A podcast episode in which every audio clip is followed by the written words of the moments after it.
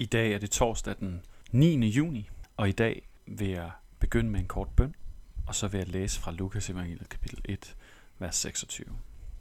Gud, i din stillhed må jeg være ordløs, stille og uden krav. Helligånd, vil du gøre dit nærvær tydeligt for os. Amen. Da Elisabeth var i 6. måned, blev englen Gabriel sendt fra Gud til en by i Galilea, der hedder Nazareth, til en jomfru, der var forlovet med en mand, som hed Josef og var et Davids hus. Jomfruens navn var Maria, og englen kom ind til hende og hilste med hende med ordene, Herren er med dig, du benåede det. Hun blev forfærdet over de ord og spurgte sig selv, hvad den hilsen skulle betyde. Da sagde englen til hende, frygt ikke, Maria, for du har fundet noget for Gud. Se, du skal blive med barn og føde en søn, og du skal give ham navnet Jesus. Han skal blive stor og kaldes den højeste søn, og Gud Herren skal give ham hans far, Davids trone. Han skal være konge over Jakobs hus til evig tid, og der skal ikke være ende på hans rige. Maria sagde så til englen, hvordan skal det gå til? Jeg har ikke været sammen med en mand nogensinde. Englen svarede hende, Helligånden skal komme over dig, og den højestes kraft skal overskygge dig. Derfor skal det barn, der bliver født, også kaldes helligt, Guds søn. Også din slægtning Elisabeth har undfanget en søn nu i sin alderdom. Hun om hvem man siger, at hun er ufrugtbar, er i 6. måned, for intet er umuligt for Gud. Da sagde Maria, se, jeg er Herrens tjener inde. Lad det ske mig efter dit ord. Så forlod englen hende. Amen. Måske kommer det ikke som en overraskelse for dig, men den her podcast er optaget på forhånd. I dag er min hustrus terminsdato. Vi venter en lille pige, og hvem ved, måske mens du sidder og lytter til det her, så har vi allerede fået vores lille pige. Så det er helt specielt at læse de her ord om de her fantastiske kvindelige forbilleder, Maria og Elisabeth.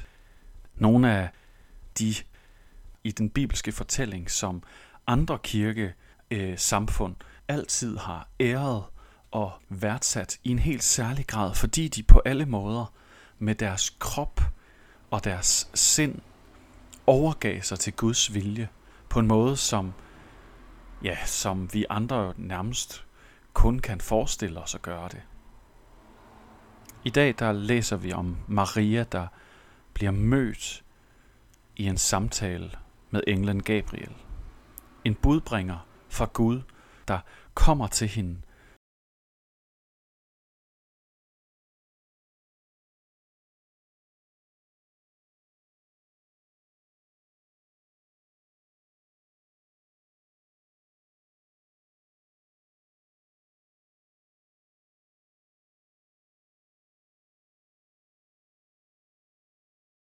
Med nyheden om, at Gud, han nu vil gribe ind i al den uretfærdighed, ondskab og smerte, som hendes liv, hendes land, hendes folk helt tydeligt bærer præg af. Og efter at have fået forklaret, hvordan det skal gå til, at Gud han simpelthen vil sørge for, at hun bliver befrugtet ved Helligånden. Efter at have fået forklaret det, så kommer de her fantastiske ord fra Maria. Se, jeg er Herrens tjener inde. Lad det ske mig efter dit ord. Men de kommer ikke med det samme. Det er som om englen ved, at der i Maria er et forbehold, en tvivl, og den imødegår han, helt uden at hun har adresseret det. Det gør han ved at give hende et tegn. Og tegnet er, at hun ikke kommer til at være alene i den her byrde, hun skal bære. Hun skal bære verdens frelser selv, hvilket i sig selv er en helt vild sætning. Det er hendes opgave. Hendes kald i den her verden var at være mor til Jesus Kristus, Guds enborne søn. Men hun skal ikke være den eneste i hendes levetid, der har fået et barn under unormale omstændigheder. Det skal hendes egen slægtning Elisabeth også. Elisabeth, som var gift med præsten Zakarias. Elisabeth, der ligesom Sara i det gamle testamente, ligesom flere andre kvinder, havde svært ved at få barn, og i sin alderdom af mystiske, fantastiske, overnaturlige veje alligevel endte med at få et barn. Hun skal blive mor til Johannes, som vi kender i dag som Johannes døberen. Jesu fætter. Og det er den noget, vi kan forvente. At Gud, han vil måske kalde os til noget i vores liv. Han vil måske kalde os ind i en opgave, vi ikke havde forudset. Sådan sker det stadig i dag. Vi ser det også i vores egne sammenhæng. Men uanset hvad han kalder dig til, hvilke underlige veje, som er fuldstændig urensagelige for dig at hit ud af, som du må gå alligevel, så behøver du ikke gå dem alene. Vi bliver aldrig kaldet til at gå alene. Så i dag, med de her fantastiske kvindelige forbilleder en mente, så synes jeg, at vi bør rensage os selv. Undersøge, om vi selv, ligesom Maria, i mødet med Guds fantastiske godhed, nærvær, vilje og formål for os, om vi siger som hende, se, jeg er Herrens tjenerinde.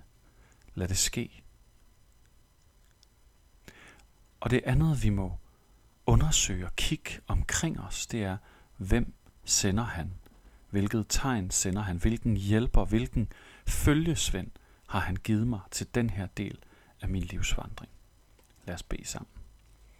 Herre, tak for Maria og Elisabeth og de forbilleder, som du har gjort dem til. Tak fordi det er muligt for os at læse om deres vilde historie med dig. Vi beder om, at vi ligesom dem må kunne se på vores liv og sige, ja, jeg ønsker først og fremmest, at mit liv er i tjeneste for dig. Hvad end det betyder, hvor end du kalder mig hen. Og Gud, åbn os vores øjne for, hvem du så sender os til at følges med af de veje, som du forud har planlagt, vi skulle gå. Amen. Giv han en dejlig dag.